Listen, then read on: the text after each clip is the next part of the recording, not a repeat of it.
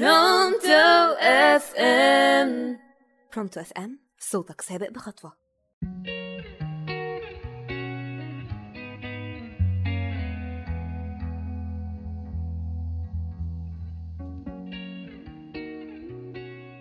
يقال أنه ربما تقودك صدفة لم تكن تبالي بها إلى واقع لم تكن لتفكر به. يا مساء الفل على كل متابعين ومستمعين راديو برونتو. معاكم بسنت عادل في برنامجكم معادلة صعبة. موضوع حلقتنا النهارده عن الصدفة. إيه هي أغرب صدفة حصلت لك في حياتك؟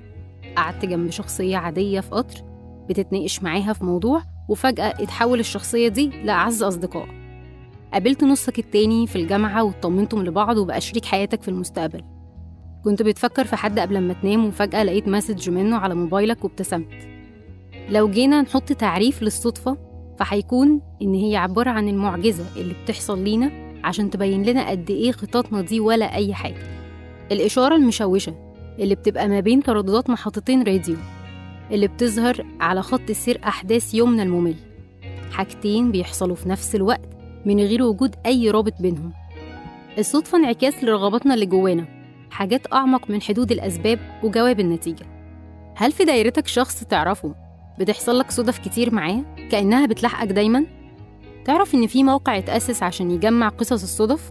لقوا إن أكتر الصدف اللي بتقابلهم عبارة عن تطابق تواريخ الميلاد لقاء المطارات مصادفات الزواج والارتباط لو ما كانتش الصدفة ليها سحرها ما كانش في ناس قدروا يكتشفوا من خلالها ويخترعوا حاجات جديدة ما كانتش موجودة أصلا زي إيه؟